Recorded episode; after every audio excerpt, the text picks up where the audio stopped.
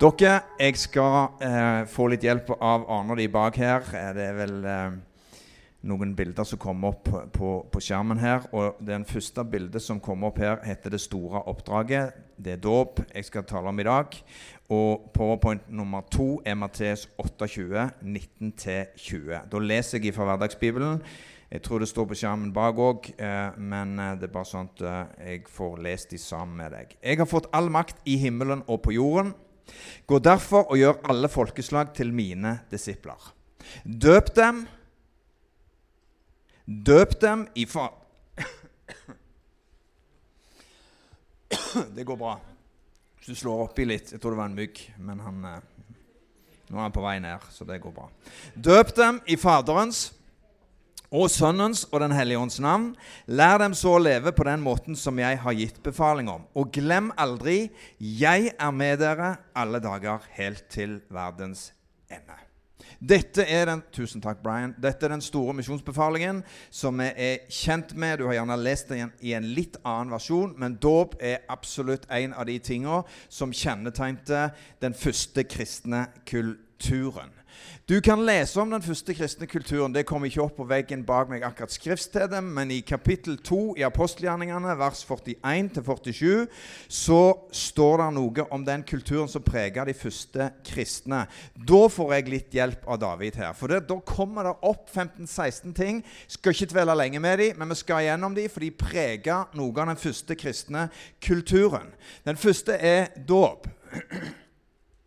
Dåp de tok imot ordet og ble døpt. Læren var viktige. De var nøye med læren og holdt urokkelig fast på. Alt dette kan du altså finne i de få versene der i kapittel 2 i apostelgjerningene. De hadde samfunn med hverandre. De trakk seg ikke unna, men de søkte sammen. Dette sårbare, men nydelige fellesskapet av forskjellige folk, som vi har praktisert allerede denne gudstjenesten i form av vitnesbyrd og forskjellighet, det skaper et nydelig mannfold. Brødsbrytelse har vi allerede gjort i dag. De minte hverandre om det Jesus hadde gjort bønn, de ba i enhet, og det forløste Guds kraft iblant de. De hadde frykt, men det var en sunn frykt. De hadde en gudsfrykt i livene sine eh, som de levde med i denne kontakten med en hellig Gud. Det var under og tegn. De levde ut sin tro med frimodighet. De hadde ting felles, altså de førte ingen egoistisk livsstil. De delte ut. De var preget av raushet og barmhjertighet. Med ett sinn så levde de sammen i enhet, og det har vi òg vært inne på i dag, som en familie. De brukte hjemmene sine, de brukte familiehusene som de hadde, og samles der. Og så var det fryd. Det ordet 'fryd' står i den ene oversettelsen, eller glede. da. De var fulle av glede og begeistring. De lovet Gud, altså tilbedelse og lovsang, som en del av hverdagslivet. Og så var de velsett av hele folket, og dermed begynte Gud å legge mennesket til menigheten. Den lokale menigheten. Nå kunne vi holdt en bibeltime av hver av de, det har vi ikke tid til i dag. Men det er nydelig når du går inn og ser den kulturen som preger disse første kristne. Et av disse fundamentene skal jeg ta for meg i dag, og det er dåp. Og det har jeg lyst til å si. Nå blir det dåp neste søndag her, 16.00. Kanskje du har tatt en beslutning allerede. Jeg har snakket med tre-fire bare i dag, så jeg tror det blir mange som kommer til å døpe seg nå neste søndag. Det blir så kjekt. Og så fant jeg ut at det kanskje vi sliter litt med grilling, og sånn, for nå er det visstnok totalforbud for fyring og sånn, så vi må finne en vri på det. da. Blir mye sjokoladekake eller et eller annet godt. Men det skal vi finne ut av. Men da får jeg hjelp av David igjen. Det kommer opp en powerpoint her som heter 'Dåpen', og det er fire punkter her som sier som følger Hvorfor skal vi døpe? Det er det vi skal gå gjennom nå. Hva er betingelsen for å bli døpt? Hva inneholder dåpen? Og hvordan praktiserte de første kristne dåpen? Da har jeg lyst til å si til deg For å svare på disse spørsmålene så må vi gå til Bibelen og se hva Guds ord lærer oss om dåpen. Og Dette ordet dåp, baptismo, på gresk betyr neddykkelse. Noe som blir tatt og blir dypt ned i et kar, for så å bli løfta opp igjen. Det er det ordet egentlig betyr. Å dukke unna. Og dåp er jo noe vi har med oss og har hørt om i den kristne teologien. Men ikke alle som er døpt, vet alltid hvorfor de er døpt. Men i den første kristne tida så sto dåpen veldig sentralt i menighetslivet. Dåp og nattverd var de to tingene som Jesus innstifta. Og i Lukas 7, 29 så står det om Jesus at da folket hørte Jesus når han talte, så lot de seg overbevise, og mange kom for å bli døpt. I Mattes 3, 13 står det at Jesus ble sjøl døpt av Johannes. Så Det første punktet vi har sagt noe om her, det er altså hvorfor skal vi så døype, og det skal vi gå gjennom nå. Da kommer det òg opp på veggen. Hvorfor, punkt 1, skal vi døype? Jo, det er en befaling av Jesus Kristus. I Matteus 28, 19-20 står det Gå derfor ut og gjør alle folkeslag til disipler idet dere døper dem og lærer dem å holde alt det jeg har befalt dere. Det var en litt annen versjon enn den som vi leste tidligere. Men vi går ut for å gjøre mennesket til disipler og gjennom å døype dem. I Markus 16, 15-16 så står det Gå ut i all verden, forkynn evangeliet for hele skapningen, og den som tror og blir døpt, skal bli frelst. Så dåp kan du si det er en del av Guds frelsespakke, hvis du kan si det sånn. Eller sagt på en annen måte Det er ikke frelse i dåpen, tror vi. Som pentakostale pinsevenner så tror vi ikke det. Men vi tror at det er dåp i frelsen. Vet ikke om du tok den? Det er ikke frelse i dåpen, men det er dåp i frelsen. For dersom det er frelse i dåpen, så ville det jo f.eks. vært håpløst for røveren på korset. For Han klatra jo ikke ned og ble døpt, liksom. sant? Han, Jesus sier i dag skal du få lov å være med meg i paradis. Han hadde ingen anledning til å bli døpt. Men dåpen er en handling der vi proklamerer jeg har tatt imot Jesus Kristus, og jeg vil leve for ham. Det er en proklamasjon. Så det første punktet her, hvorfor skal vi la oss døpe, det er en befaling av Jesus Kristus. Punkt nummer to da får du òg hjelp av storskjermen her. Hva er betingelsen for å bli døpt, da? Hva er betingelsen for å bli døpt? Jo, det første punktet er omvendelse. Apostelgjerningene 2,38. Det er Peters tale der han på slutten sier Og jeg har bare gjort en liten parafrase der, men det kan oversettes absolutt sånn som jeg leser det nå. Overgi eller omvend hjertet til Gud. Hver og en av dere må la seg døpe i Jesu Kristi navn. Da vil dere få tilgivelse for syndene, og dere vil få Den hellige ånd som en gave. Så det ene punktet som er en betingelse for å bli døpt, er at vi omvender oss og begynner å tro på Jesus Kristus. En personlig tro på han. Og det andre er jo det som jeg allerede har sagt noe om. Tro. Apostelgjerningene 8, 12-13. Men da de trodde Philip, som forkynte det som hører Guds rike til og Jesu navn, ble både menn og kvinner døpt.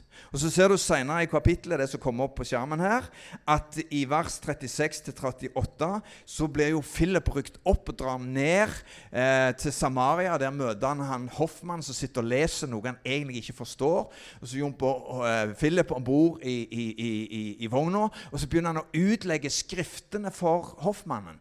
Og Der ser du at denne hoffmannen han kommer til tro, får en åpenbaring om at Jesus er jo Herre. Jeg kan tro på ham til frelse. Og Da sa han plutselig hva er til hinder for at jeg kan bli døpt? Og Så står det de steg begge ned av vogna og ned i vannet. Og så blir eh, hoffmannen døpt, og så står de opp igjen. Så det er et tydelig bilde på at denne mannen ble døpt. Eh, og, og det står her i teksten hva er til hinder for at jeg blir døpt.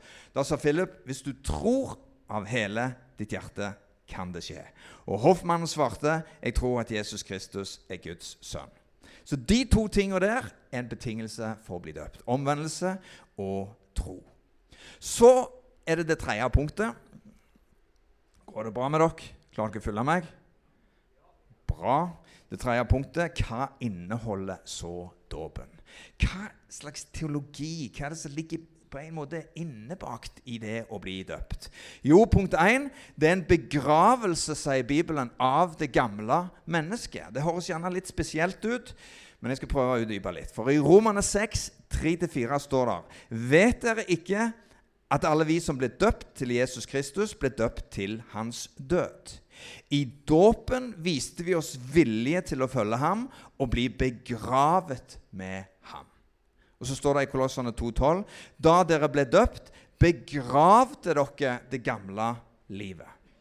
Så her er Bibelen tydelig og snakker om en begrav... Det høres jo litt sorgmodig ut, da, så jeg skal prøve å forklare litt etter hvert. Men det å bli døpt betyr at du blir begravd.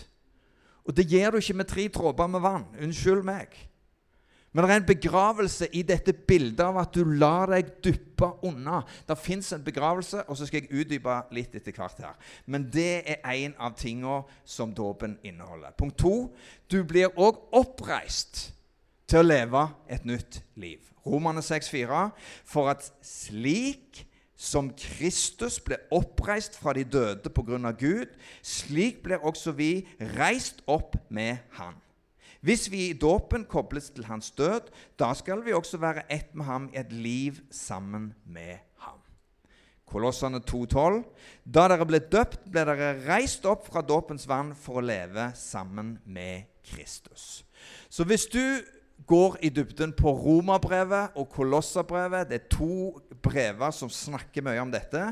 Så ser vi at vi blir begrava med ham når vi blir døpt. Og slik Jesus Kristus blir reist opp fra de døde ved Faderens veldige kraft, sånn er det at meg og deg òg blir reist opp fra dette dåpsbassenget til et liv i sammen med Jesus Kristus.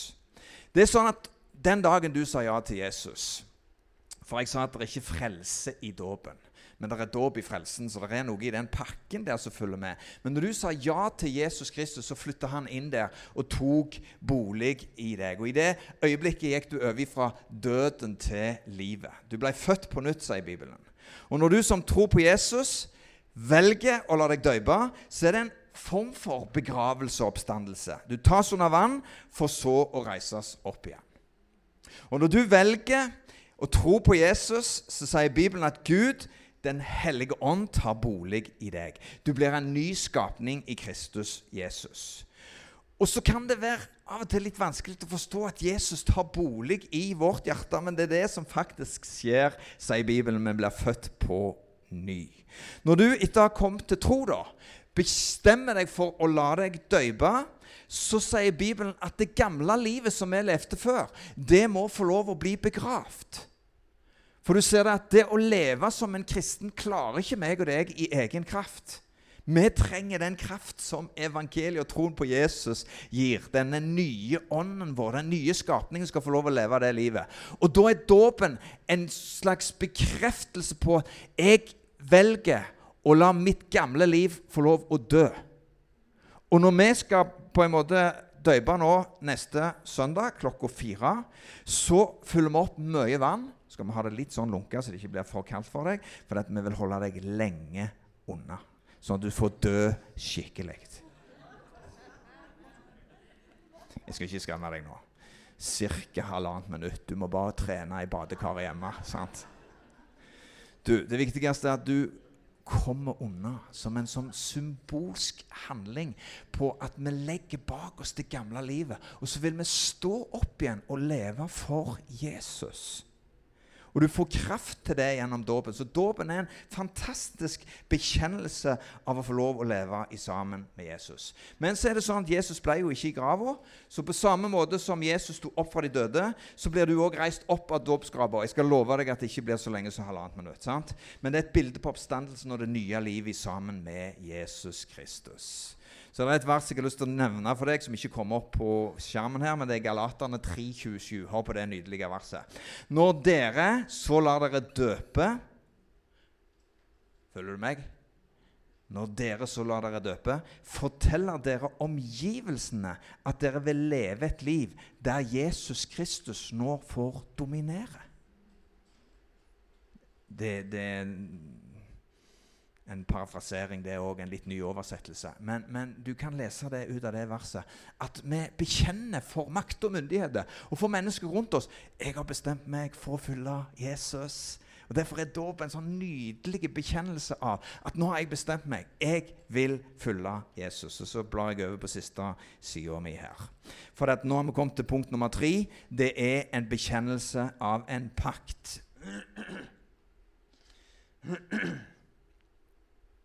En bekjennelse av en pakt. 1. Peter 3, 21. Det er ikke så mye vi snakker om, kanskje, men jeg skal forsøke å være korte, sånn at du forstår hva det handler om. Dåpen handler ikke om, sier Peter, at kroppen din blir vaska rein. men det er en avtale og pakt med Herren som går ut på at menneskene kan nærme seg Han med god samvittighet. Denne avtalen er bare mulig pga. at Jesus overvant døden og sto opp igjen. I dåpen sier du altså at du vil leve livet ditt i sammen med Jesus. Og Det betyr altså at dette er en pakt, en god samvittighetspakt, sier en annen oversettelse.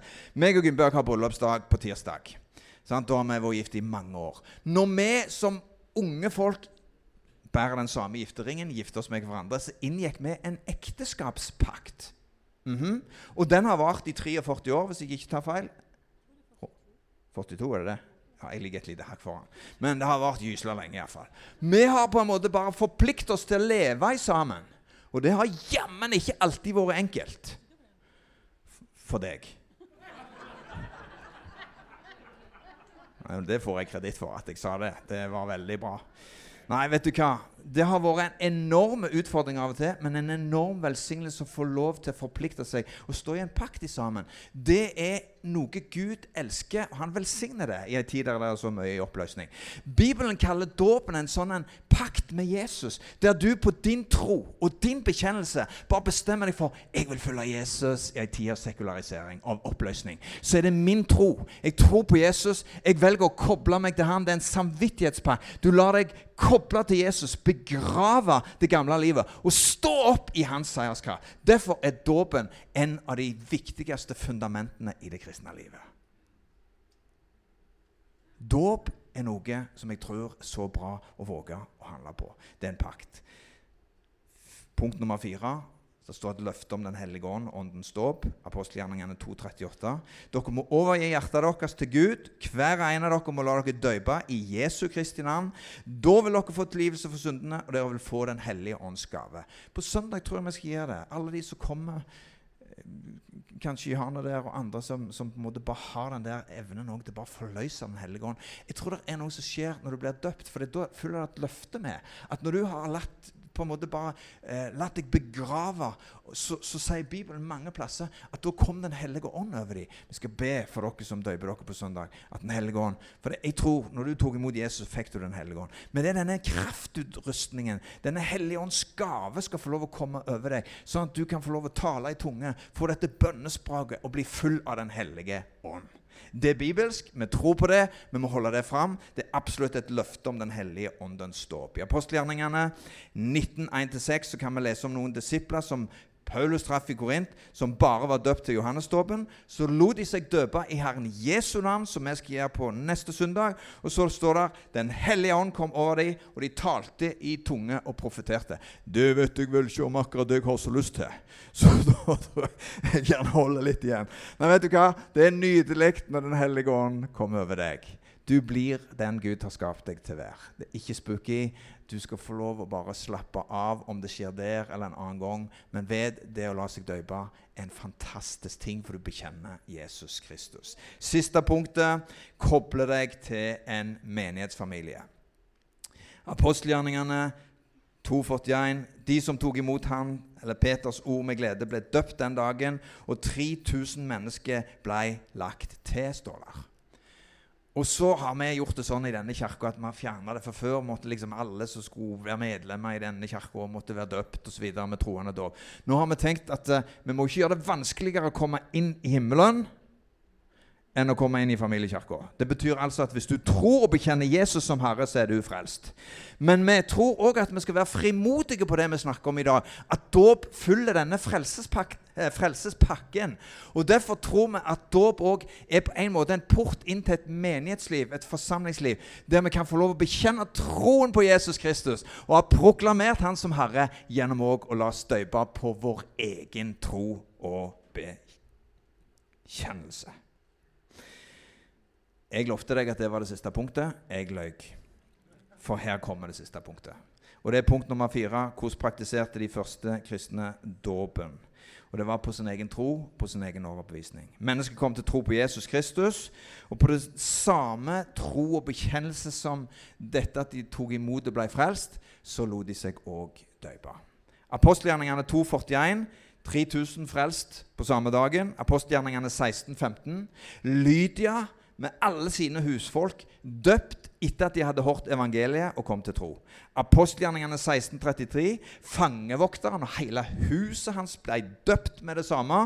Og i apostelgjerningene 8, som jeg allerede har vært innom, hoffmannen ble frelst pga. at han kunne bekjenne Jesus Kristus som Herre. Da var jeg i mål. Da har jeg bare lyst til å si om du skulle være her denne kvelden og tenke wow, kanskje jeg skulle våge å handle på det Du kan være 10 år, 11 år, 12 år, 17 år, 27, 58, whatever. Du kjenner inni deg at wow, jeg, jeg har lyst til å respondere på min tro, på min bekjennelse så kan du få lov å gjøre det. Og du tar kontakt med meg etterpå. For vi kommer ikke til å døpe noen neste søndag som ikke vi har fått snakket med. Vi ønsker dåpssamtaler med folk. Vi vil være ryddige òg i det landskapet som vi har her på Gandal. For det er mange som ikke praktiserer det samme som oss. Jeg hadde et nydelig møte her for 14 dager siden, tre uker siden med prestene og, de lokale lederne her rundt. Og jeg sa dette, dette er jo vår tro og vår overbevisning. Men hvordan Tenk hvis noen hopper opp i det bassenget av ungdommene våre som liksom gjerne går en annen plass osv. Kan det bryte noe av enheten? Så sier Vidar Bakke til meg det er deres teologi. Bare gjør det, Jon Arve. For vi har gått sammen med dere i så mange år at deres hjerte ikke stjeler noen, men dere må få lov å være frimodige på det dere tror på. Så kjør på. Det var, var Vidar. Og så har du Lars Kristian Pebeneser her som sier vet du hva, vi tror på dere. Det er ikke noe problem for oss. Ungdommer må få lov å kjenne, hvis de har lyst til å respondere på at jeg vil på min tro på min bekjennelse tar det standpunktet, så er det ikke noe problem for oss. Vi vil stå sammen i enhet. Var ikke det nydelig? Og det gir oss en frimodighet som kirke på at vi kan forkynne dåp. Amen.